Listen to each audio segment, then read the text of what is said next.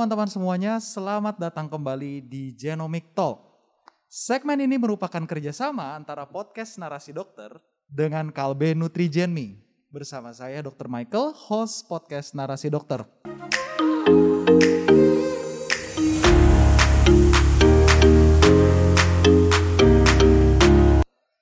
Genomic Talk adalah sebuah segmen dari podcast Narasi Dokter di mana kita akan ngobrol bertukar pikiran mengenai isu-isu di bidang kedokteran dan kesehatan, terutama pada bagian genomik. Pada dua episode sebelumnya, kita sudah membahas sekilas mengenai pemeriksaan nutrigenomik. Siapa saja yang bisa melakukan pemeriksaan tersebut, bagaimana cara pemeriksaannya, serta hal-hal apa saja yang akan kita ketahui dari hasil pemeriksaannya. Bagaimana hubungan antara keadaan genetik kita dengan kondisi kekebalan tubuh, pada episode yang baru, pada episode ini, kita akan ngobrol-ngobrol mengenai perspektif yang baru mengenai pemeriksaan nutrigenomik. Khususnya pertanyaan yang paling sering muncul seperti, kenapa sih saya harus periksa nutrigenomik? Mungkin banyak sekali yang berpikir seperti itu. Atau mungkin uh, dari generasi milenial, asik, generasi Gen Z ya sebutannya, ada yang bertanya, apa sih urgensi dari pemeriksaan ini? Kenapa sih gue harus periksa? Gue baik-baik aja, masih muda, dan lain seterusnya. Ya. Nah, sehingga pada episode kali ini saya kedatangan narasumber yang luar biasa. Ada dua orang. Yang pertama ada Dokter Ida. Selamat siang dok. Selamat siang Dokter Michael. Terima kasih Dokter Ida. Yang kedua ada Dokter Haikal. Selamat siang dok. Selamat siang dok Michael. Terima kasih sudah berkenan hadir. Gimana dok kabar kondisi sehat? Sehat. Sehat. Aman harus. ya dok ya masih aman, ya? aman. ya? Masih aman oke. Okay. Masih berkutat dengan generasi Z? Nah, tentunya masih dok ya. Harus ya. Iya.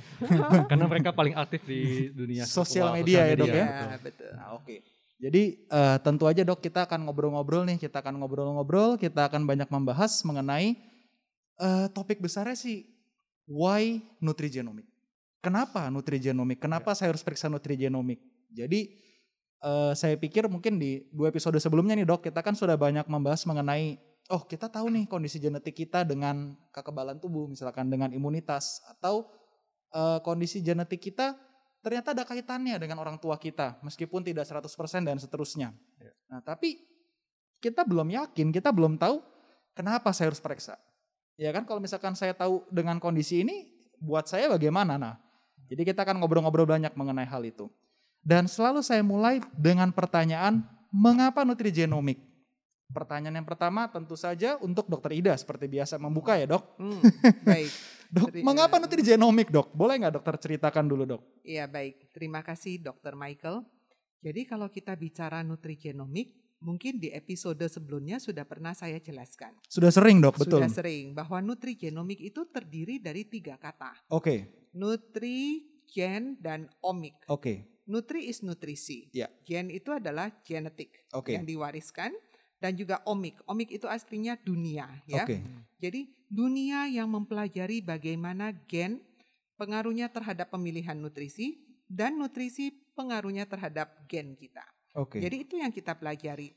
Loh pertanyaannya kenapa ya? Apakah kurang selama ini dengan ilmu-ilmu yang sudah ada? Yes, yes. Kenapa ya? Hmm. Kenapa harus Wah. sampai ke arah gen-genan gitu loh? Canggih bener dok. Canggih hmm. bener. Canggih bener. Nah karena intinya adalah manusia itu adalah makhluk yang selalu ingin tahu. Oke, okay, kepo. Apalagi kepo ya, apalagi ya. generasi Z ini ya. Hmm. Jadi mereka selalu akan cari, kenapa sih orang kok bisa sakit ya? Emang sakit ini nggak bisa dicegah ya? Oke. Okay. Karena kan sakit artinya kos. Ya. Biaya yang dikeluarkan dari kantong dan ya. juga biaya yang dikeluarkan dari tubuh kita kalau ya. terjadi kecacatan dan sebagainya. Betul. Ya kan? Dan itu pastinya akan ikut mengurangi misalnya yang harusnya mereka menjadi seorang pejabat yang luar biasa canggihnya akhirnya mundur seandainya kalau dia kena stroke. Bisa ya kan? jadi betul, Dok. Ya, jadi hal-hal demikian akan menjadi membuat seseorang akan terus bertanya why why why and why. Oke. Okay. Nah, oleh karena itu mereka mulai mencari ke arah genetik. Jangan-jangan nih ya, jangan-jangan faktor genetik yang nggak kita kelihatan ini ada pengaruhnya. Karena dokter Michael juga ingat bahwa budaya nenek moyang kita ya hmm. selalu mengatakan bibit, bebet, and bobot. bobot. Ya. Artinya ada unsur bibit loh di sana, okay. gitu ya. Nah itulah asal muasal kenapa orang terus mencari sampai teknologi itu mendukung. Oke. Okay. Kalau tidak ada teknologi yang adekuat, iya. pastinya yeah. pemeriksaan seperti ini mungkin bisa hanya sebatas Angan-angan, angan-angan. ya. Angan-angan. Jadi dimulai dari penemuan yang double helix Iya. oleh Watson and Crick. Iya. Dia bisa memecahkan segala kode-kode yang ada di DNA. Iya. Terus dilakukan research sampai akhirnya mereka bisa punya alat untuk memotong segmen dan sebagainya. Oke. Dan Iya. itu membuat orang, oh saya tahu. Kunci kode-kodenya nih ada di sini ternyata. Hmm. Gitu Dr. Michael. Jadi mereka terus mendalami dan begitu sudah dapat kuncinya, kunci ini ternyata bukanya bisa lancar kalau kita kasih makanannya ini. Oke. Nah seperti itu. Sehingga akhirnya kita mendapat kesimpulan bahwa sebetulnya penyakit itu bisa dicegah. Oke, dalam tanda kutip. Yes, Atau jadi ta- apa ta- atau tanpa tanda kutip, Dok? ya tanpa tanda kutip Tanpa juga tanda ya. kutip. Oke. Iya. Jadi nutrigenomik ini banyak sekali fungsinya untuk prevention. Oke, prevention of Iya, disease. Jadi dia banyak sekali mencegah timbulnya satu penyakit. Oke. Dan kita sama-sama belajar bahwa mencegah jauh lebih baik daripada Mengobati. mengobati. Dan Udah mungkin lebih pasti. murah, Dok. Pastinya. Oleh karena itulah nutrigenomik ini berkembang luar biasa pesatnya. Oke. Ya. Jadi ternyata bisa menjawab Hmm. hal-hal yang sebelumnya nggak ketahuan ya dok ya. Ya. Ya mungkin kita nggak tahu bisa dicegah apa enggak dan seterusnya. Iya. Setelah kita cek again, then we know. Kita tahu bahwa itu kita bisa dicegah. Betul. Oke, itu menurut kepakaran dari dokter Ida. Nah sekarang saya kan bertanya kepada dokter Haikal, dok mungkin saya dengan dokter Ida kan beda umur agak jauh nih dok nih. ya kan ya dok ya, generasinya kan udah beda banyak nih. Mungkin saya dengan dokter Haikal masih mirip-mirip lah dok generasinya. Satu dan lain sebagainya. Jadi kalau saya boleh tahu dok, eh, bagaimana dokter Haikal bisa pertama kali tahu pemeriksaan nutrigenomik dok? Iya, jadi saya tuh terus terang tahunya waktu itu eh, saya melihat Dr. Ida Oke. diskusi dengan salah satu teman host saya Iya. tentang eh, makanan kan, Hmm. Oke, makanan. makanan. Iya. Nah, saya penasaran, ini kok makanan ada dikaitin sama hasil eh, lab kan? Dengan si lab. Eh, kemudian saya tanya, Dr. Ida, ini apa? Ini Hmm. adalah eh, nutrigenomik Hmm. gitu. Dan ketika dijelaskan, saya paham. Saya paham kenapa eh, yang namanya menu gizi, menu Iya. diet, semua orang itu tidaklah sama. Oke. Hmm. Jadi saat ini untuk bisa membuat tubuh kita tetap sehat atau mencegah, membantu mencegah penyakit, menu diet itu dipersonalize, Oke. disesuaikan dengan profil gen tiap orang. Oke dok. Jadi selama ini makanan yang kita anggap baik dan sehat Hmm. belum tentu baik untuk kita, Oke. gitu. Karena Oke. tiap orang memiliki profil gen yang berbeda. Oke. Jadi tadi betul yang kata Dr. Ida sampaikan bahwa nutrigenomik ini adalah bagaimana makanan, minuman, bahkan suplemen yang kita konsumsi dapat memberikan efek kepada gen kita dan bagaimana gen kita mempengaruhi tubuh kita untuk merespon terhadap nutrisi yang kita konsumsi tersebut. Oke. Makanya saya sangat antusias sekali untuk bisa tahu tentang profil gen saya dan kaitannya dengan makanan saya, yang saya konsumsi selama ini. Oke. Karena kan selama ini saya berpikir bahwa dengan mengkonsumsi diet yang sehat, Oke. yang sehat ya, Yang sehat. Menurut Ah. dokter. iya, Oke. yang pada umumnya Pada umumnya. ternyata itu bisa jadi belum optimal untuk membuat saya tetap sehat Oke. atau mungkin dalam jangka panjangnya apakah bisa membantu saya untuk mencegah penyakit tertentu. Oke. Hmm. Jadi awalnya karena ngobrol soal Yes. makanan, dokter suka makan? Hobi Suka. Suka sekali ya dok ya? Tapi memang saya tipikal pemilih. Oke, milih makan. Nah, makanya ketika saya memilih, saya ketika saya mendengar, mendengar diskusi Dr. Ida, saya berpikir apakah makanan yang sudah konsumsi itu sudah betul-betul saya dapatkan manfaat optimalnya Oke. atau bahkan sebaliknya bisa membuat saya terjerumus ke suatu penyakit tertentu. Oke. Jadi Gitu. awalnya begitu dok. Iya, Suka makan tapi milih. betul. Jadi pengen tahu nih kalau saya bisa cuma boleh makan sedikit, yang saya makan saya kepingin yang baik dong buat saya. Yes. Awalnya seperti itu. Nah lalu pertanyaan berikutnya dokter melakukan pemeriksaan nutrigenomik berarti ya? Iya, pastinya. Pernah melakukan dong? Betul. Itu kapan dok periksanya? Kalau boleh tahu. Itu kalau tidak salah tahun lalu bulan Maret ya. Tahun lalu berarti 2019. 19. 2019 bulan Iya. Maret. Jadi sudah kira-kira sudah setahun ya dok Sudah ya? setahun. Sudah setahun. Nah, eh kalau saya boleh tahu dok dalam setahun ini nih dan tahun-tahun sebelumnya dalam Iya. arti sebelum dokter melakukan pemeriksaan dan setelah dokter menemukan pemeriksaan melakukan lalu tadi dokter bilang ada personalized meal dan seterusnya Hmm. dokter Haikal dapat eh ini nggak dok dapat manfaat dapat apa perbedaan gitu dok? Boleh Dapat banget. Jadi kalau dulu sebelum saya mengenal nutrigenomik ya, Ah. saya kan lumayan sering mengkonsumsi kopi ya. Oh karena oke. ya, Nah, karena saya eh, tahu bahwa kopi itu mengandung eh, kafein Iya, ya, iya. yang bisa membantu saya kan saya suka olahraga. Iya. Jadi bisa untuk membuat saya terjaga ya, oke. bisa membantu saya lebih berenergi. Iya. Ternyata setelah saya melakukan tes nutrigenomik, Iya. saya memiliki profil gen yang beresiko kalau saya tidak membatasi konsumsi kopi atau kafein. Oke. Jadi berdasarkan hasil nutrigenomik, saya tidak boleh mengkonsumsi kopi lebih dari dua cangkir sehari. Dan itu baru tahu. Yes. Oke. Dan juga saya adalah eh, berdasarkan hasil tes nutrigenomik, saya memiliki resiko untuk mengalami defisiensi vitamin D. D delta. Delta. Oh. Iya, jadi Oke. saya saya kan tipikal yang memang bukan orang yang suka berjemur kan. Iya. saya juga eh, tidak mengkonsumsi cukup vitamin D. Apalagi vitamin D ini kan memang eh, selain dari makanan juga Iya. dibantu oleh sinar matahari untuk Oke. di- dibuat lebih aktif kan.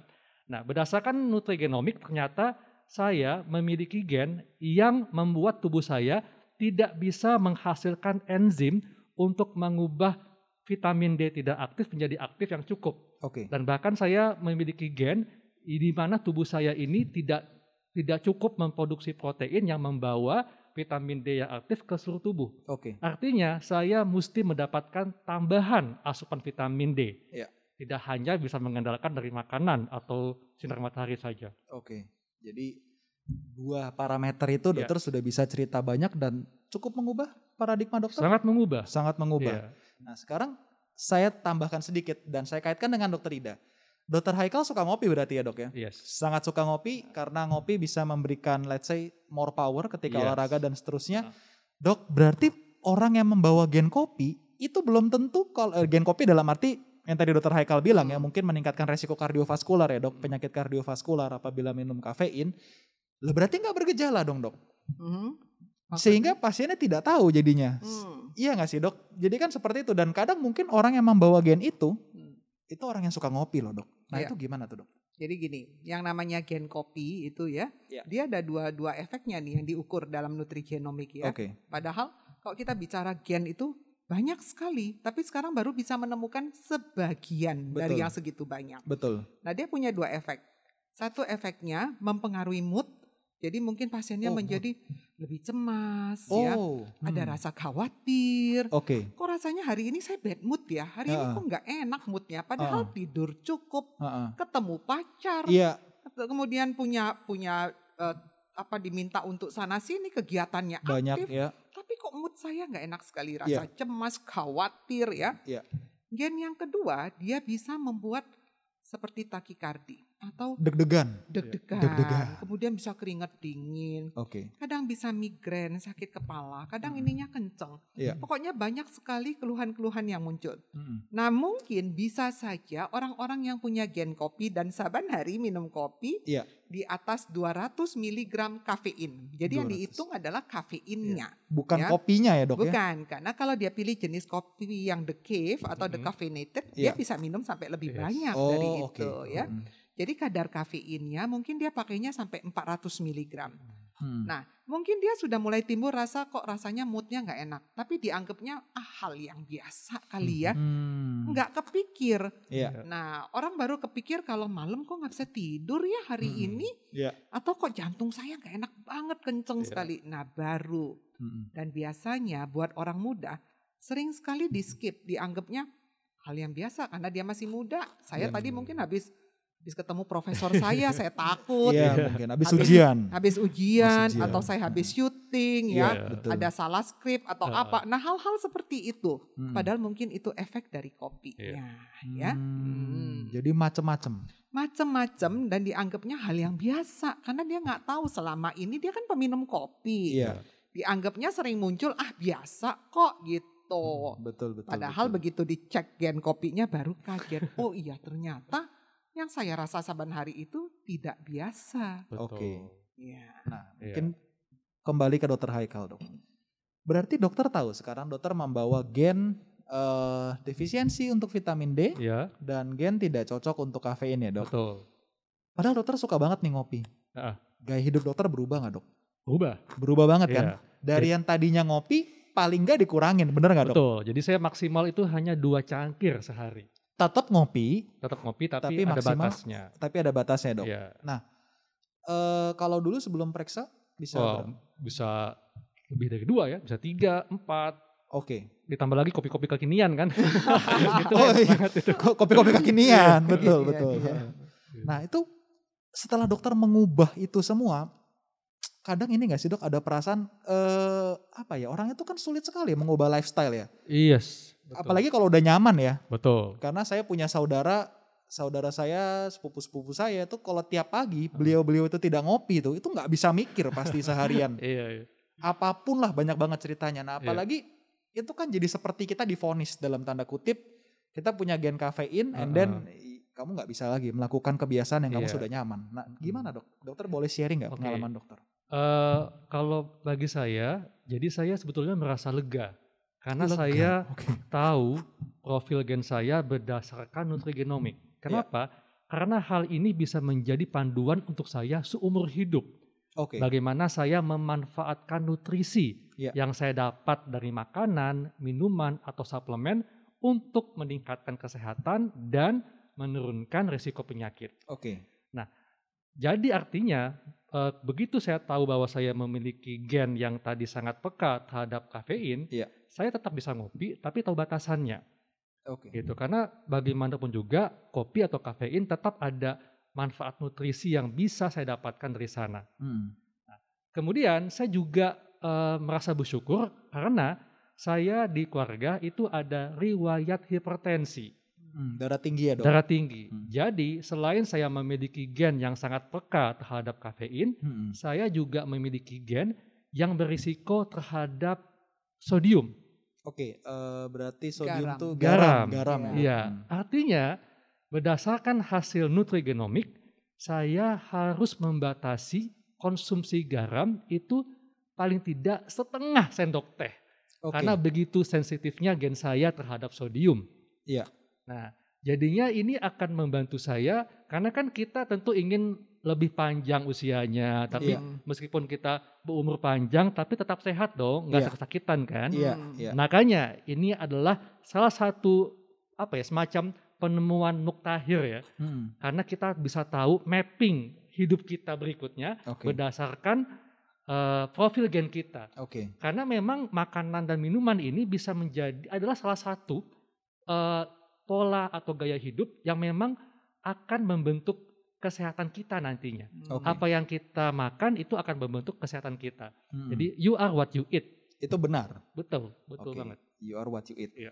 Baru tambah satu parameter lagi berarti dok, Hmm. yaitu gen eh, sodium itu ya dok. ya. Iya. Mungkin Dokter Ida di episode yang pertama kalau saya tidak Hmm. salah ingat pernah bilang bahwa eh, Dokter Ida juga tampaknya Hmm. ada gen sodium Iya betul, Eh, sangat peka ya terhadap jumlah eh, natrium atau sodium itu.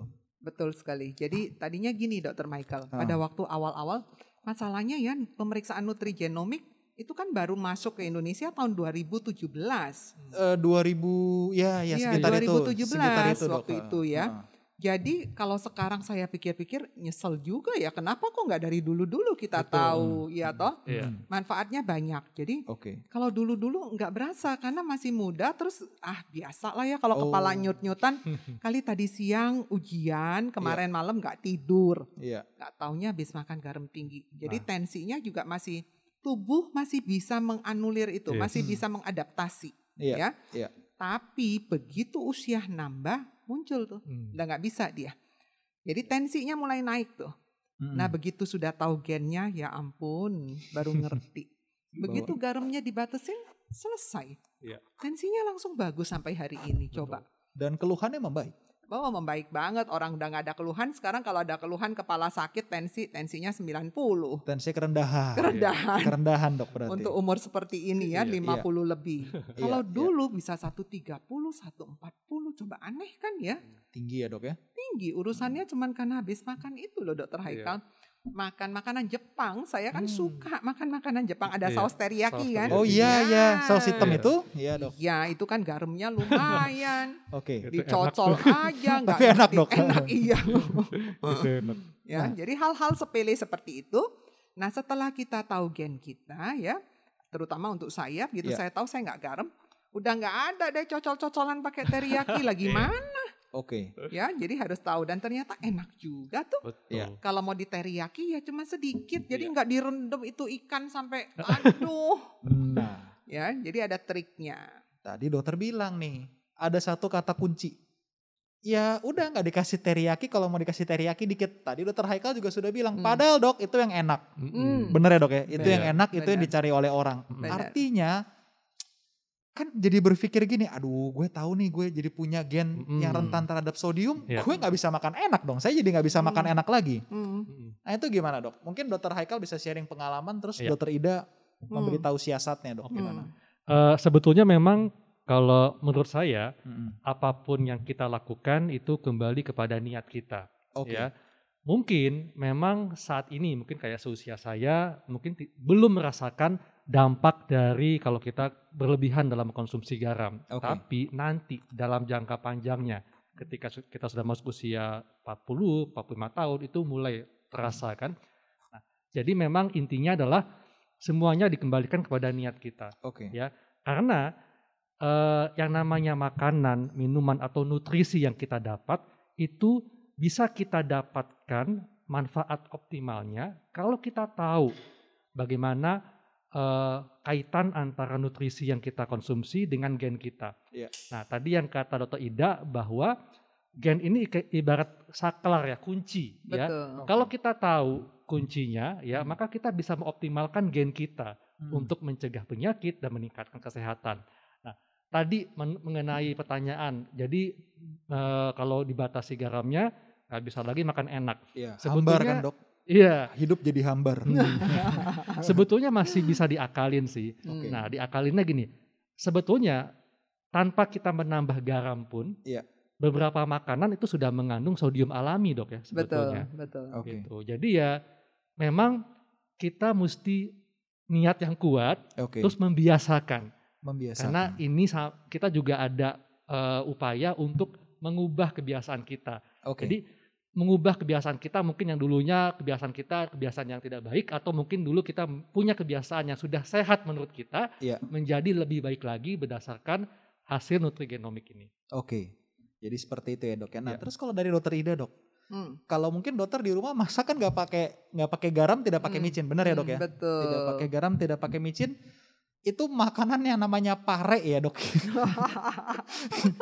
ya kan pare, sawi pahit Hmm, ya dok ya. Itu hmm. kan ada alasan tuh kenapa dikasih nama sawi pahit kan. Karena Hmm. rasanya kan nggak manis dok, rasanya Hmm, pahit. hmm. Itu kan nggak kemakan dok. Iya. Jadi harus tahu triknya Dokter Michael ya. Nah. Yang namanya garam kan bukan berarti nol. Oke. Tubuh kita kan tetap membutuhkan garam Betul. ya. Tadi Dokter Haikal sudah bilang garam masih boleh tapi dibataskan ya. Iya. Dia maksimal bisa dikasih 3 per 4 sendok teh peres. Tiga perempat sendok teh. Iya, sendok teh tahu kan sendok obat yang Iya. sirup yang buat anak kecil dulu ya. Bukan sendok makan ya dok ya? Bukan. Sendok sirup yang buat obat bayi-bayi kan suka dikasih tuh. Iya iya. Nah kita kasih maksimal di 3 per 4 sendok eh, teh peres. Rata ya. Ya, nah ingat bahwa 3 per 4 sendok itu jangan dituangin semua ke dalam si pare. Oh. Jadi ditaruh di piring kecil, itu Oke. kan buat sehari. Iya. Pare tetap dimasak, jangan dikasih garam. Begitu Anda mau makan si pare, taruh di piring. Kan Iya. kita nggak mungkin lah pare dimakanin semua sepiring-piring. Iya iya. Kan harus berbagi toh ya, Iya, terus betul. variasi. Kita ambil si pare misalnya dua sendok makan atau tiga sendok makan. Garam itu diambil sedikit ditabur di atas parenya. Oh. Itu trik makannya. Jadi tetap parenya ada rasa asinnya. Iya. Oke. Gitu ya. Jadi yang mau dimasukkan ke mulut itulah yang dikasih garam. 3 per 4 Oh. sendok teh per hari. Itu Oke. jangan dicomplongin semua ke dalam sup ya ambles lah. Iya kan jadinya nggak berasa dok. Lah Bener iya, dok ya kan? gitu ya. Hmm. Makanan tuh enak itu mungkin kadang aduh kurang asinnya itu karena garamnya sudah besar mungkin secara jumlah. Iya. Tapi karena dia dilarutkan dengan jumlah Hmm. makanan itu taste taste bud kita di lidah perasa itu jadi Heeh. nggak nggak kerasa. Betul. Jadi Iya. pengenceran. Jadi pengenceran. ya. Mm-mm. Padahal jumlahnya sama dok. Betul. Mm-mm. Eh, lalu kembali ke Dokter Haikal.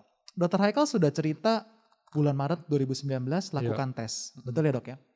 Lalu pertanyaannya menjadi berapa lama setelah dokter melakukan tes? Iya. Kalau jadi kan kira-kira hasilnya sebulan ya dok ya, Hmm. Ah, sekitar sebulanan. Iya. Jadi eh, kalau dokter dari tahu nih bahwa ini boleh, ini tidak boleh dan seterusnya, mm-mm, lalu dokter menerapkan pola hidup seperti itu, mm-mm. berapa lama dokter merasakan perbedaan dok? Dokter ada improve atau malah ada Oke. turun gitu dok? Iya, eh, memang karena ini nutrisi ya, tentu kan eh, beda sama obat ya. Kalau obat Iya. kan langsung terasa perbedaannya. Betul. Nah, Tapi karena ini nutrisi, ini maka manfaatnya yang akan dirasakan tuh memang dalam jangka panjang Oke. gitu. Seperti saat ini saya terus terang merasa dalam kondisi yang sangat fit, Iya. ya, karena saya eh, mengkonsumsi makanan, minuman, suplemen berdasarkan hasil nutrigenomik. Jadi saya tahu bagaimana memanfaatkan nutrisi dari makanan. Iya. Nah, yang saya rasakan adalah saya lebih berenergi, Oke. ya, lebih bisa fokus, konsentrasi, tidak lagi tergantung dengan jumlah kafein yang banyak, Oke. ya. Kemudian saya juga, nah, saya juga memiliki gen yang ternyata membuat saya lebih mudah gemuk. Oh, gennya Hmm. mudah gemuk. Iya. Padahal dokter sangat kurus loh. Iya. Makanya berdasarkan anjuran nutrigenomik saya harus mengkat itu sekitar 650 kalori seharinya. 650 Iya. kalori, Dok. Oke. Hmm. Nah, makanya dengan saya mematuhi apa yang saya dapatkan dari hasil nutrigenomik, Iya. saya mampu mempertahankan berat badan saya. Oke. Gitu. Jadi semuanya akan berdampak ke kondisi tubuh saya. Saya terhindar dari penyakit, baik Iya. itu penyakit infeksi maupun penyakit-penyakit yang terkait dengan degeneratif seperti hipertensi, diabetes, bahkan saya di keluarga itu punya ayah yang hipertensi, Oke. nenek saya diabetes, Oke. jadi lengkap tuh, ada stroke lengkap. juga ya. Tapi di usia saya yang saat ini, Iya. 40 tahun ya, Oke. tensi saya itu di kisaran 100 per 70. Nah, Oke. Iya, bagus. bahkan Bagus. Bisa 90 per 60. Mirip Gitu. seperti dokter Ida Iya. ya, Dok ya? Iya, iya. Bagus. Bahkan sebelum sebelumnya ya, sebelum saya tahu nutrigenomik itu tensi saya ya bisa 120. Hmm. Bahkan kalau capek baru pulang nih 130. Hmm, hmm, Jadi memang lebih turun untuk Iya. ten- untuk tekanan darahnya ya, Dok ya. Betul. hmm. Oke. Lalu untuk eh, tadi dokter bilang menjadi lebih fokus, lebih Iya. berenergi. Nah, itu sekarang gini, Dok. Dokter bilang rawan gendut, ada membawa gen yang mudah gemuk. Iya, Saya dengarnya aja lemes, Dok. Karena harus motong 650 kalori. Bener nggak, Iya. Dokter Ida? Benar. 650 kalori, Dok. Banyak ya. Itu kalau saya ngebayangin ya, saya jalan keliling komplek nih, Dok. Nih 7 kilo itu nggak sampai 500 loh, Dok. Bayangin, Dok, Hmm. sejam. Hmm, Itu kan saya ngebayanginnya udah lemes, Dok. Terus hmm, gimana tuh, Dok? hmm. Jadi ada triknya ya Dokter Betul. Haikal waktu Iya. itu ya. Jadi eh, kebetulan Dokter Haikal ini hasilnya saya yang bacakan waktu Oke. itu. Jadi saya minta Dokter Haikal, Dokter Haikal, saya kembalikan. Tadi dengar nggak Dokter Haikal bilang apa? Ah, Beliau suka makan, tapi memilih. Eh, Memilih. memilih ya, Dok ya? tapi suka makan. Tapi suka kan? makan. Suka makan, terus suka minum-minum kopi, Iya, oke. minuman kekinian, tahu dong? Oke. Ya itu kan kalorinya nggak sedikit. Iya. Betul. Nah, saya tanya Dokter Haikal, Dokter Haikal mau saya potong dari mana? Oke. Mau dipotong dari makanan, saya kurangin semua enam setengah, langsung Dokter Michael lemes, Iya, lemes saya nggak lemes, atau Dokter Haikal mau bantu olahraga. Hmm, Iya. Jadi ada dua outputnya, Iya. makanan kurang atau olahraga naikin. Oke. Nah, Dokter Haikal juga punya gen olahraga waktu itu ya. Betul. Nah, Hmm. waktu itu gen olahraganya bagus. Jadi saya gennya itu bagus untuk yang power, nah, Oke. angkat Jadi- beban. angkat beban. Lihat nggak Dokter Haikal badannya jadi? Iya. Ya, jadi Dokter Haikal kalau nggak salah waktu itu juga saya ketemu Dokter Haikal lagi latihan-latihan, sering latihan ya, Iya. tapi nggak nggak terlalu lama Dokter Haikal, cuma Hmm. dia continue aja, Iya. hasilnya langsung ototnya bagus, Oke. ya. Jadi pengeluaran kalorinya kita bisa diskusikan dengan pasien. Oke. Tuh. Pasiennya mau semua di-cut dari makanan atau Iya. mau di-cut dari gabungan. Paling bagus adalah gabungan. Berarti makanan kurangin, tambah olahraga, Olahraga. banyakin gitu ya, Dok Ya, ya? diatur. Nah, pasiennya mau seperti apa? Nanti Oke. kan bisa diprogram. Data berdasarkan nutrigenomik tuh. Untuk olahraganya juga ada gennya. Oke. Dan trik-trik apa yang harus dilakukan. Nah, mungkin selanjutnya bisa tanyakan ke dokter Michael apa yang beliau lakukan. Nah iya itu dia dok. Ya. Mungkin dokter Haikal berkenan buat sharing 650 kalori itu dok. Jadi pastinya eh, tetap saya makan tiga kali sehari ya. Oke. Kemudian tetap ada karbohidratnya, ada Oke. protein, lemak, vitamin, mineral, buah-buahan juga. Iya. Jadi yang saya cut itu adalah dari minuman, minuman yang tadi kopi kekinian, Hmm. Oke. ya. Kemudian juga beberapa makanan yang digoreng ya, Hmm. Iya. kemudian tepung, Oke. dan dibantu dengan olahraga yang saya memiliki gen yang sangat baik untuk uh, mendapatkan bentuk badan ideal dengan melakukan olahraga yang jenis power kekuatan. Oke, kekuatan. Iya. Hmm.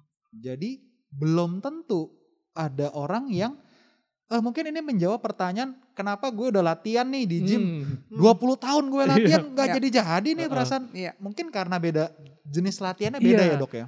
Mungkin dia uh, tipikal orang yang gennya itu sebetulnya uh, kan ada yang gen orang yang cocok endurance ya. Endurance. Nah, ya. Oke. artinya kalau dia ternyata memang eh, gennya lebih ke endurance, tapi dia lebih banyak melakukan aktivitas olahraga yang jenisnya power, mungkin akan nggak balance, akan nggak Iya. cocok eh, outputnya. Oke. Gitu. Hmm. Jadi itulah enaknya nutrigenomik. Saya tahu bisa memanfaatkan potensi yang ada dari tubuh saya sendiri.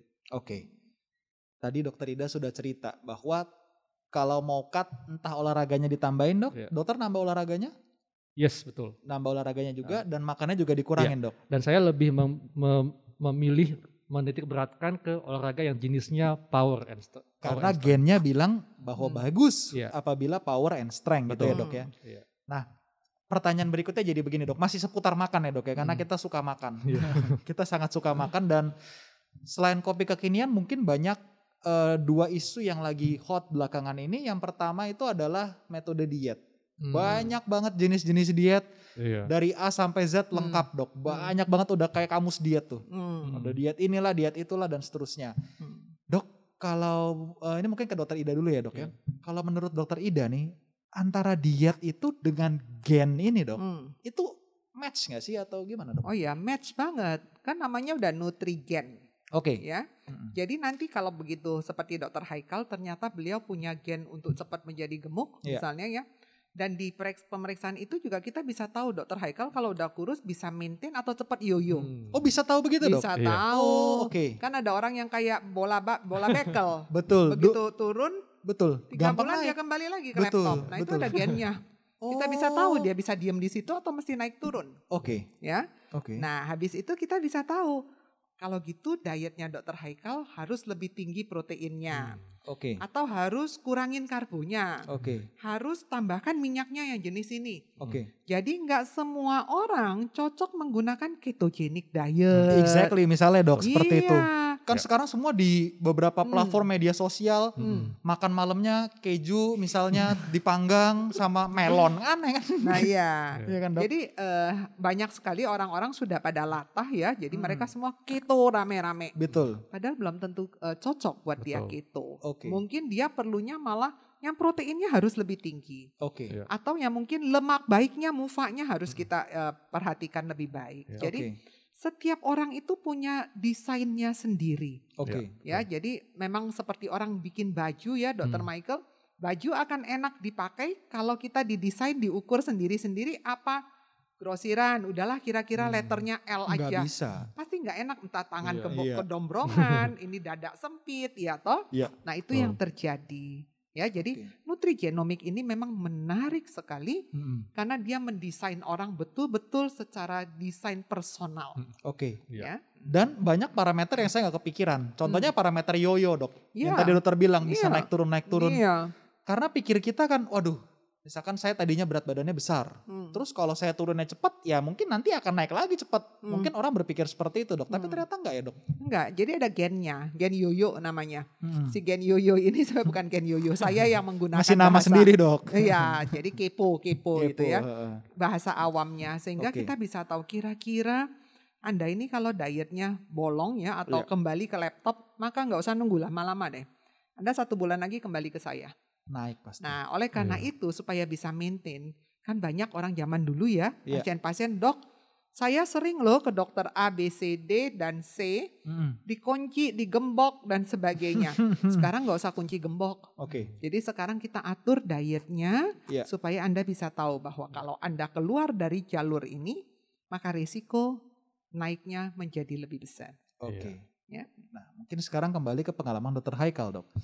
Eh, dokter sebelum pemeriksaan nutrigenomik dengan setelah nutrigenomik nih, dokter merasakan nggak, aduh berat saya semakin turun atau steady maintain di situ?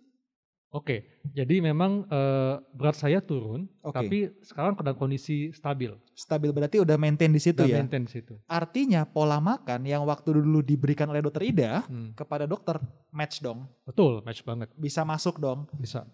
Ada sempat rasa ini nggak dok? Reluctant di awal. Misalnya kayak, aduh nih gado-gado lagi gitu dok. Atau selada lagi gitu dok. Eh, awalnya pasti iya ya, karena kan Eh. itu kita kan makan ini sudah menjadi kebiasaan kita, Betul dok. sudah menjadi bagian dari perilaku kita yang Betul. sudah cukup lama. Betul. Nah, begitu kita eh, berhadapan dengan sesuatu yang baru atau Iya. disesuaikan, Iya. maka kita, mau gak mau kita mesti mengubah perilaku kita. Iya. Nah, untuk mengubah perilaku tentunya itu kembali kepada niat kita. Oke. Tujuan kita apa?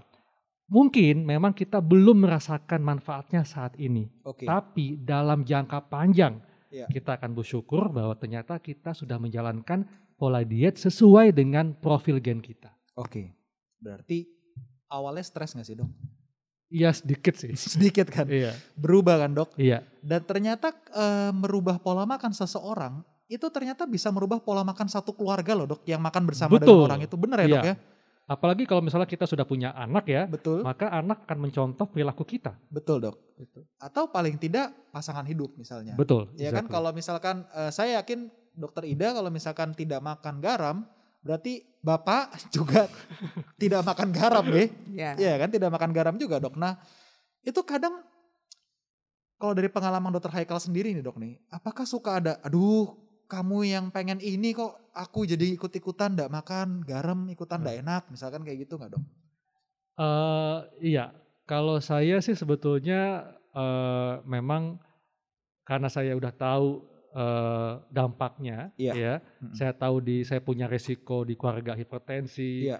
diabetes bahkan dua kakak saya udah divonis hipertensi. Oke Hmm. Jadi mau nggak mau itu menjadi motivasi saya oke untuk tidak menjadi hipertensi. oke Gitu.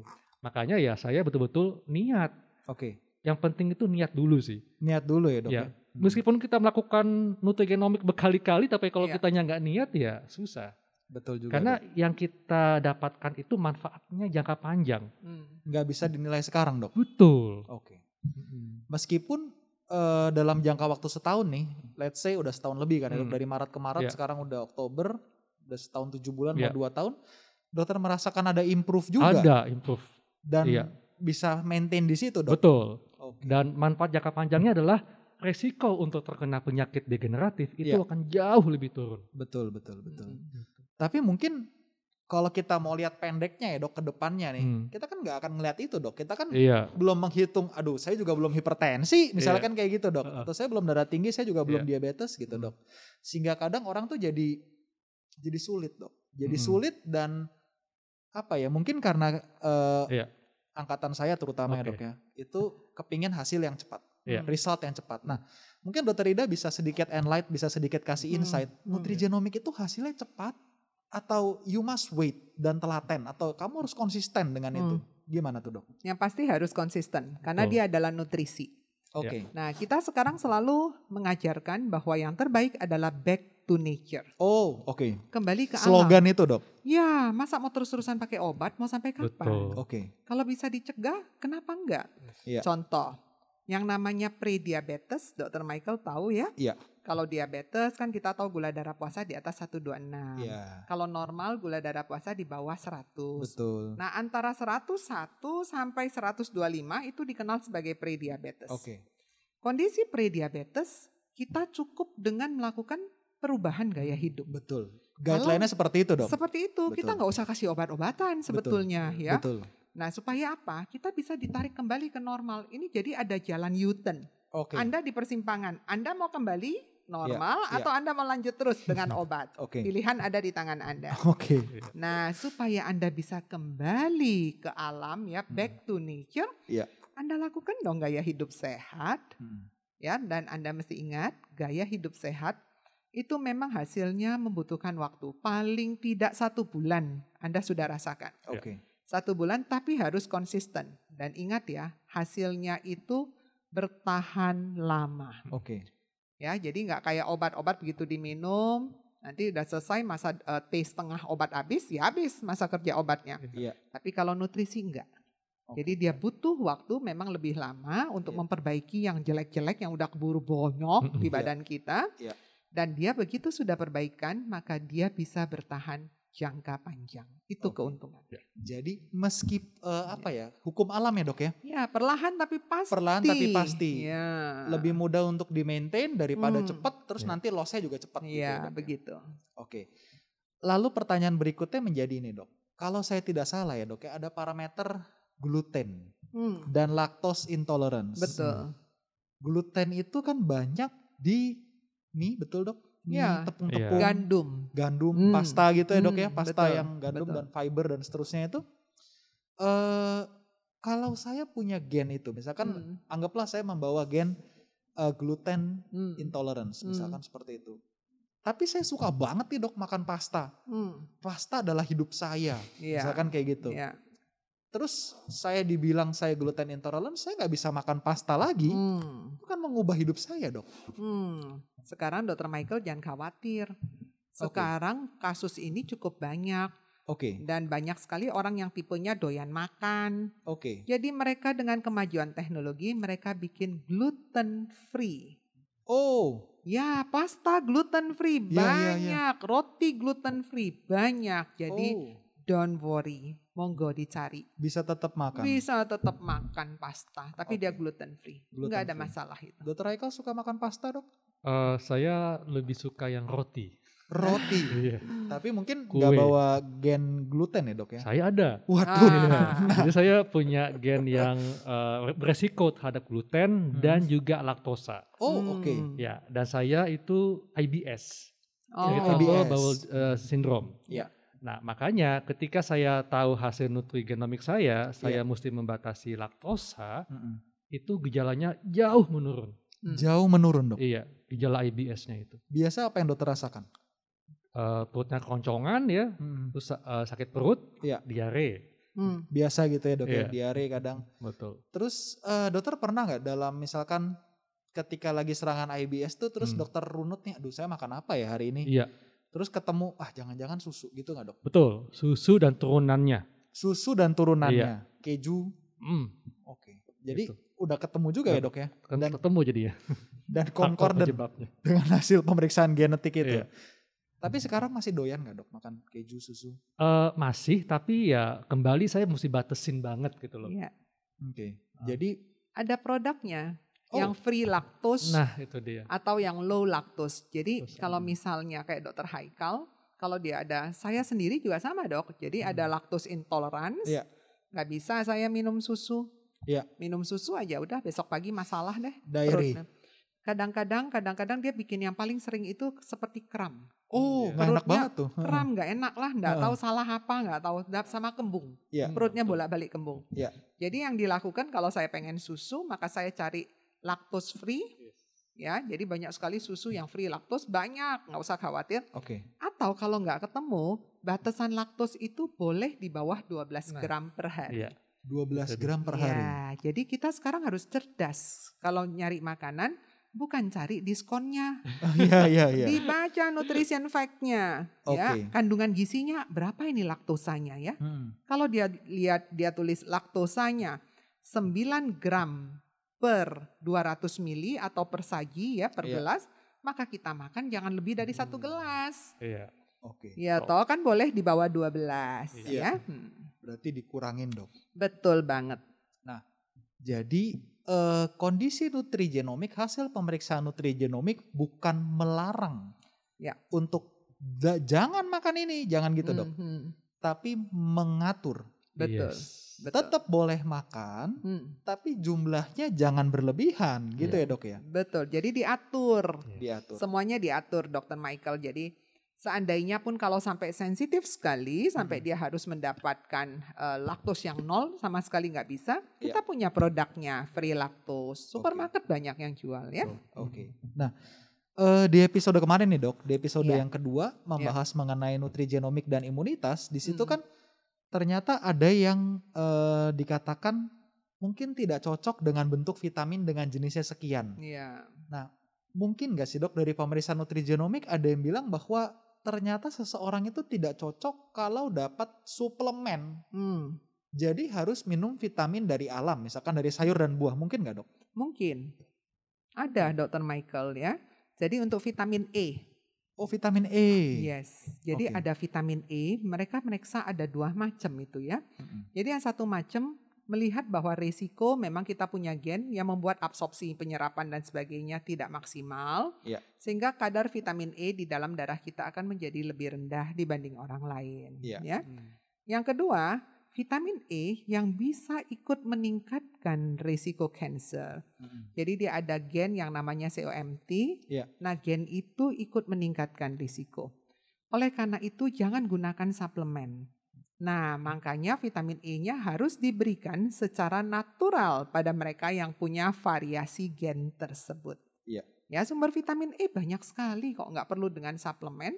Iya. Dan tubuh juga tidak membutuhkan dalam dosis besar. Iya. Jadi ada angka kecukupan gizi atau AKG. Oke. Misalnya bisa dapat dari kacang, ya kacang kan lumayan enak ya. Mm-mm. Jadi eh, dari biji-bijian yang lain itu banyak sekali sumber vitamin E. Jadi monggo dipakai. Oke. Nah, eh, mungkin kembali ke sharing dokter Haikal juga dok. Kalau soal untuk vitamin nih dok, dokter biasa vitamin tadi dokter bilang ada beberapa eh, vitamin yang harus tambahkan dengan suplemen kan Hmm, dok. iya. Tapi dengan daya makan dokter, misalkan dengan makan sayur dan buah itu sudah cukup terpenuhi atau belum dok? Eh, sebetulnya cukup terpenuhi, tapi Hmm. memang tadi kan saya punya gen yang resiko defisiensi vitamin D. Oke, Nah itu saya eh, harus cukupkan asupan vitamin D dengan suplemen. oke. Dan itu kalau nggak salah minimal 1000 IU Ya, seribu Seribu Hmm, unit iya. ya dok ya? international unit Seribu Mm-mm. internasional per hari. per per hari. hari minimal. Tapi kalau mau tahu dosis akuratnya memang mereka yang punya gen vitamin D variasi polimorfism Iya. sebaiknya diperiksakan berapa kadar vitamin D-nya dalam Iya. darah. Hmm. Sehingga dosis intervensi yang kita berikan menjadi lebih adekuat. Oke. ya. Jadi langsung tepat sasaran. Jadi tahu dulu dasarnya berapa. Iya. Nah, kemudian kalau dokter Haikal boleh sharing dok, sebelumnya berarti sudah pernah cek level vitamin D dok? Sudah sudah pernah eh, tahun 2014. Memang itu rendah sih dok, Hmm. rendah Hmm. sekali. Memang rendah. Kemudian setelah ada gen itu berarti tidak kaget dong dok? Iya. Nah. Oh ternyata betul. Memiliki gen yang sangat defisiensi vitamin D-nya. Hmm. Nah, Terus dokter koreksinya dengan minum suplemen tambahan, Iya. sekarang sudah cek lagi dok? Eh, sudah Dan sudah naik angkanya dok? betul. Oke, berarti eh, harus memang Iya. memang harus itu ya ya? Tapi memang tipikal orang Indonesia itu rendah semua dok ya. betul. Karena saya pun terus terang kalau dikatakan sudah optimal juga belum sih sebetulnya Hmm. Oke, gitu. Tapi paling tidak mendekati lah. Iya. gitu. oke. Jadi optimalnya itu di Iya. angka 50 sampai 60 Dokter Michael. Vitamin D. Vitamin D. Baik. Tapi nilai normal kalau kita lihat pemeriksaan lab itu 30 sampai 100. Hmm, Oke, Ya, tapi jangan dapat di angka 33. Hore, saya senang. sudah Belum. normal. Normal, Oh, tapi iya. belum optimal. Oke. Kalau mau optimal kita naikin di 30 sampai 60. Iya. Hmm. Nah, saya sudah punya dua orang pasien. Yang satu punya gen vitamin D variasi ya. Iya, Jadi iya. artinya tadi Dokter Michael bilang eh, Dokter Haikal bilang Hmm. masalahnya ada di gennya CYP2R1 ya, Iya. perubahan untuk menjadi deliver itu menjadi vitamin D-nya itu nggak Iya. bagus. Iya. Kemudian di GC gen untuk Iya. merubah di ginjalnya nggak bagus Iya. misalnya ya. Iya. Nah, pada mereka yang punya gen seperti itu dibandingkan dengan yang nggak punya gen seperti itu. Sama-sama mempunyai level diperiksain dua-duanya itu. Oke. Karena saya juga penasaran dan kebetulan dua-duanya adalah dokter. Oke. ya. Jadi betul. Jadi Oke. saya juga mendapat reportnya dengan lab yang lengkap. Iya. Jadi si suami ini tidak punya gen gen vitamin D variasi, Oke. istrinya punya gen vitamin D variasi. Oke. Kadarnya dua-duanya jelek. Awalnya ya dok ya? Awalnya ini Oke. sama-sama di baseline, dua-duanya jelek karena Oke. periksa nutrigenomik baru tahu kalau mereka punya gen seperti itu. Oke. Lawang Indonesia matahari kan nggak berhenti. Iya dok, Betul. katulistiwa. Ya kita Iya. selalu berpikir matahari, matahari. Cukup Iya. kayaknya Padahal ya. kita lupa ada gen itu. Iya. Lalu diintervensi 5.000 unit. Karena gennya waktu itu cuma 10-an kalau saya nggak salah. Oke. Dikasih 5.000 unit antara suami dan istri. Ah, Setelah tiga bulan diperiksa, suaminya naik menjadi 60, istrinya naik menjadi 30. Oh. Istrinya punya gen vitamin D. tetap naik dok. Tetap naik tapi 30. Oke. Suami tidak ada polimorfism. Hmm. Dia bisa naik sampai ke angka 60. Wow. Jadi, Dengan dosis yang sama, sama. lama Hmm. terapinya sama. Sama. Oh. Jadi dokter Michael bisa lihat nggak perbedaan gen ini? 50 persen ya dok ya Hampir. separuhnya ya. Yes. Wah besar sekali. Karena dia kenanya di gen CYP2R1 sama di gen GC gen. Oke. Ada dua variasi itu ya perubahannya pasti dia akan lebih Iya. lemot ya Iya, dibandingkan dengan yang enggak. Kalau yang Iya. enggak ada kemungkinan karena bahan bakunya yang kurang supply. Betul. Hmm. Jadi begitu di supply ya langsung dia bikin wong mesinnya bagus. Betul. Kalau dia punya variasi wong mesinnya nge-mixer aja nggak bisa. Iya Iya. betul. Mesti kocok tangan ya tungguin lamaan lah ya. Gitu. Mungkin naik juga tapi dok, tendensinya naik, ya. Naik, cuman tapi ya eh, kalau mau dapat optimal ya kita harus sabar ya dok. Nah, ya. sabar, dia bisa lebih lama. Jadi Lebih jangan tiga bulan, mungkin yang ada gen itu kita kasih enam bulan Enam supaya bulan. mendapatkan hasil yang sama. Betul. gitu, ya. Kasarannya seperti itu. Ya, Jadi kalau kita bilang, aduh genetik tuh nggak nggak terlalu bermakna lah, nggak juga ya Enggak, dok ya. penting banget justru. Penting ya. Iya. Oke.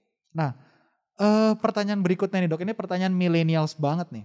Hmm. Pertanyaannya begini, eh, banyak orang berpendapat bahwa saya kan nggak gendut nih misalnya, Hmm. saya oke lah, dibilang kurus juga nggak, Hmm. tapi misalkan saya nggak gendut, saya rutin olahraga, saya bahagia, saya sehat-sehat aja, saya merasa buat apa sih saya lakukan pemeriksaan nutrigenomik ini? Hmm. Apalagi pemeriksaan nutrigenomik ini kan eh, lumayan cost ya dok ya. Iya, costly ya. iya. Kalau dibilang mahal relatif, cuman Iya. secara cost mungkin ada keluar lah sedikit. Hmm. Nah, eh apa sih urgensinya dok? Mungkin dimulai dari dokter eh, Haikal dulu ya dok ya. Hmm. Oke, eh, urgensinya adalah gini. eh, ada salah satu eh, kalimat yang saya awalnya saya bingung, tapi Iya. saya paham setelah saya tahu nutrigenomik. Iya. Jadi begini kalimatnya. Makanan yang baik untuk sebagian orang bisa saja menjadi racun bagi sebagian yang lain. Oke. Ya. Mm-mm. Artinya, kalau misalnya kita ingin eh, mendapatkan kondisi tubuh yang sehat, Iya. ya tentunya berusia panjang, Iya. dan kita meskipun berusia panjang tapi kita terhindar dari penyakit-penyakit degeneratif, Iya. maka itu dimulai dari apa yang masuk ke mulut kita. Oke. Artinya, urgensinya adalah ini semacam investasi sebetulnya, Oke. ya. Ibarat kita investasi saham, ya, Iya, iya. tentu hasilnya akan dipetik nanti. Oke. Nah, sama halnya dengan kita mengatur pola diet kita berdasarkan gen kita. Oke. Jadi kita sedang melakukan investasi, kita melakukan hal yang nantinya kita akan dapatkan manfaatnya jangka panjang. Oke. Jadi meskipun kita usia bertambah ya, mungkin eh, dibandingkan teman kita yang tidak menjalankan diet berdasarkan gennya, bisa saja dia tampak lebih tua Iya. atau berpenyakit Oke. dibandingkan kita yang menjalankan diet berdasarkan nutrigenomik. Oke. Itu urgensinya. Urgensinya itu ya dok ya. Nah mungkin sekarang kita dengar dari dokter Ida. Hmm. Menurut dokter gimana dok? Eh, sebetulnya kalau mahal ya memang relatif ya dokter Iya. Haikal. Karena dia cukup pemeriksaan gen itu satu kali sih seumur Hmm. hidup sebetulnya. Oke. Apa yang sudah tertulis ya pasti itu. Sudah tidak akan berubah lagi. Ya. Oke.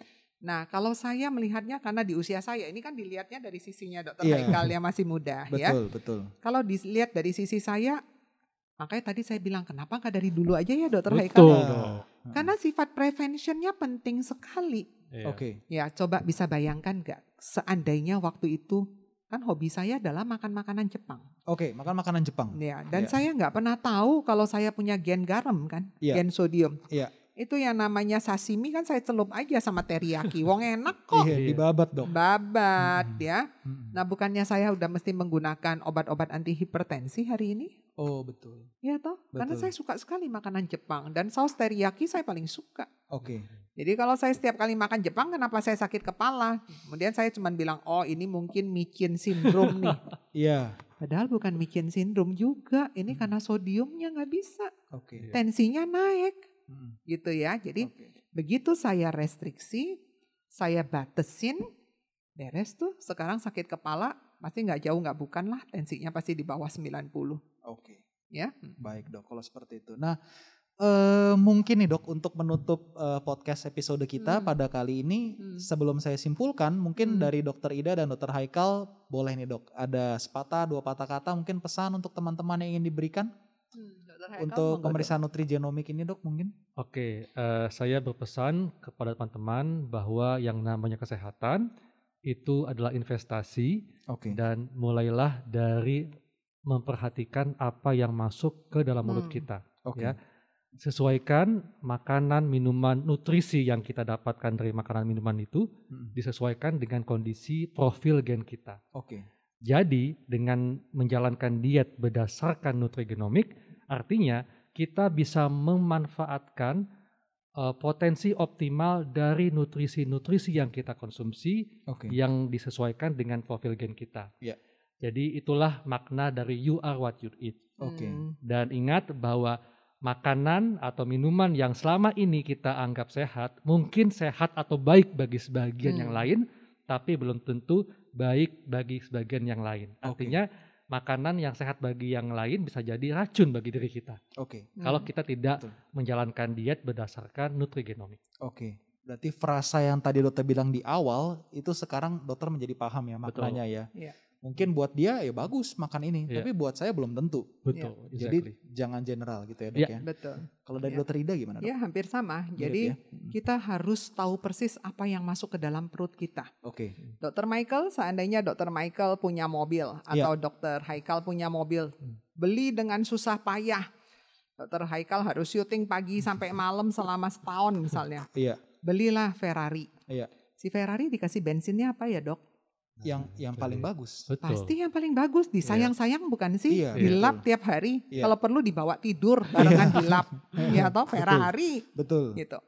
Nah, Dokter Haikal dan Dokter Michael bisa beli Ferrari itu karena tubuh Anda bekerja mendapatkan uang. Iya. Setuju? Iya, Betul. setuju. Masih Ferrari dikasih bensin yang bagus, masa badan Anda dikasih makanan nggak karu-karuan? Oh, betul. Bener nggak? Lah Betul. bagaimana Anda mau menghasilkan uang lagi untuk membeli Ferrari kedua atau Lamborghini kedua Iya. kalau Iya. badan Anda bonyok? Betul. Betul. Betul ya? Nah Ferrari disayang-sayang, bensinnya mahal-mahal loh. Mahal. Bensin itu kalau Hmm. sekali ngisi ya toh. Betul, betul. Lah kenapa badannya nggak disayang? Lah gitu Betul, aja. Oke, Ya. kalau gitu pesannya seperti itu. So, Ya. eh, kalau boleh saya rangkumkan dok dari hasil Hmm. kita ngobrol-ngobrol, eh, yang pertama kembali konsep personalize, Hmm, konsep betul, tailoring ya. Betul. Sudah mungkin sekarang sudah tidak lagi zamannya one fit for all. Hmm. Sekarang Hmm. zamannya tailoring. Ya. So semua aja baju aja kita sudah ukur masing-masing sendiri dan betul. seterusnya. Karena apa yang tadi Dokter Haikal bilang bahwa satu makanan bisa memberikan hal yang baik untuk satu orang dan Hmm. mungkin racun buat orang yang lain dalam tanda kutip. Ya. Betul. Itu yang pertama. Yang kedua adalah jangan memandang nutrigenomik itu sebagai suatu tindakan kuratif ya dok ya. Hmm. Suatu tindakan penyembuhan karena eh, lebih baik kita memandang nutrigenomik atau pemeriksaan gen ini sebagai suatu tindakan prevention, Iya. pencegahan. Kalau belum muncul penyakitnya, semudah mungkin kita kerjakan, kita bisa mencegah banyak hal-hal buruk nih yang menanti di masa depan. Betul. Tapi kalaupun kita sudah berumur dan karena dokter Ida tadi sudah bilang masuknya juga baru, Hmm. belum terlalu lama di Indonesia, Iya. kita sudah ada tanda-tanda seperti per- kondisi prediabetes Hmm. atau prehipertensi dok, Iya. di mana eh, menurut guideline itu kan tata laksananya Hmm. perubahan gaya, Gaya hidup, hidup. gitu ya dok ya. Jadi eh, mungkin kita bisa mencegah terjadinya kondisi tersebut, Iya. ya dan outcome-nya jauh lebih baik. Lalu yang terakhir adalah konsep back to nature. Hmm. Jadi eh, janganlah kita puas dengan segala macam hal-hal yang ada di depan mata. Jangan berpikir, oh ya sudah saya sakit diabetes ya sudah minum obat. Hmm. Karena nggak semudah itu, gitu ya dok ya. Dan mungkin juga jadi eh, jadi beban buat kita atau mungkin jadi pikiran buat kita. Alangkah lebih baiknya kita mencegah sebelum terjadi penyakit. terjadi, betul. Mencegah selalu lebih baik daripada mengobati. Betul Setuju. sekali. Mungkin kira-kira seperti itu ya dok ya. Ya, jadi jangan sampai sakit ya baru berobat. Ya, betul. Kalau perlu jangan sakit. Yes. Jangan sampai sakit, iya betul. Jangan sakit. Jangan sakit. Nah, eh, sakit itu dicoret paling bawah. Oke. Ya, Betul. jadi kalau mau kan dokter Haikal pasti kepengennya usia berapa dok? 90. Tapi saya masih mau joget, Betul. masih Betul. bisa syuting, Iya. masih bisa minum minuman kekinian. Iya. Betul betul. Maunya masih bisa enjoy the Betul life. banget dok. Iya. Jangan tidur di ranjang. Iya, Tak nanti berdaya 90 ya. pakai kursi roda dan Iya. seterusnya gitu ya, Dok ya. Hal-hal seperti itu yang kita Iya. antisipasi ya. Oke, Hmm. kalau bisa milih kan seperti itu ya, Dok Ternyata ya. bisa pilih. ternyata Tuh. bisa. Pilihan ada di tangan kita ya. Oke. Mm. Jadi Setuju. kita punya tagline baru ya, saya memilih untuk sehat. Untuk sehat. Untuk saya sehat. Betul memilih banget. untuk sehat. Saya memilih Betul. untuk sehat. Iya. Oke, dokter. So, terima kasih kembali, terima kasih banyak untuk Dokter Ida, Dokter. Haikal. Terima kasih. Thank you so much meskipun di tengah keterbatasan kita Iya. harus shoot pakai masker semua ya, Dok ya. Ya, protokol kesehatan. Protokol kesehatan, Iya. jaga jarak, kita jaga ventilasi dan seterusnya. Betul, Iya. betul. Eh, dan tentunya podcast ini juga dibuat bukan untuk kita sebenarnya, tapi Hmm. untuk teman-teman di sana Ya. supaya paling tidak bisa menghibur ketika work from home Yes. atau Ya, ya, apa pun lah bisa mendapatkan insight baru, bisa mendapatkan pengetahuan Iya. ya. dan ide untuk teman-teman semuanya. Jangan lupa untuk follow Instagram narasi dokter di @narasi.dokter. Oke, eh, sekarang kita kedatangan Pak Donito seperti biasa. Eh, selalu menjadi pertanyaan adalah kalau saya mau periksa nutrigenomik itu sekarang gimana ya Pak caranya? Nah, mungkin Pak Donito bisa bercerita Pak. Baik, Dokter Michael. Jadi untuk teman-teman yang ingin tahu lebih dalam tentang nutrigenomik Oke. atau yang ingin tanya-tanya periksanya gimana, Iya. harganya berapa dan Iya. sebagainya, Iya. itu bisa langsung menghubungi kami di Instagram kami. Tadi Dr. Kevin juga sudah sempat mention di @nutrigenme. Oke, Seperti Jadi teman-teman bisa langsung mention atau DM kita aja, Iya. atau nanti bisa di situ ada kontak personnya juga, bisa WhatsApp kita. Di situ kita akan pasti menjawab semua pertanyaan terkait dengan apa pun yang Oke. teman-teman ingin eh, tahu tentang Nutrigenme. Oke. Seperti itu dok. Jadi jangan ragu kalau mau kontak silahkan gitu ya betul, Pak. betul dok. ya. Eh, 24 jam? Mungkin akan lebih aktif di hari kerja dan jam kerja. Oke, akan lebih aktif di jam kerja dan hari kerja. Iya.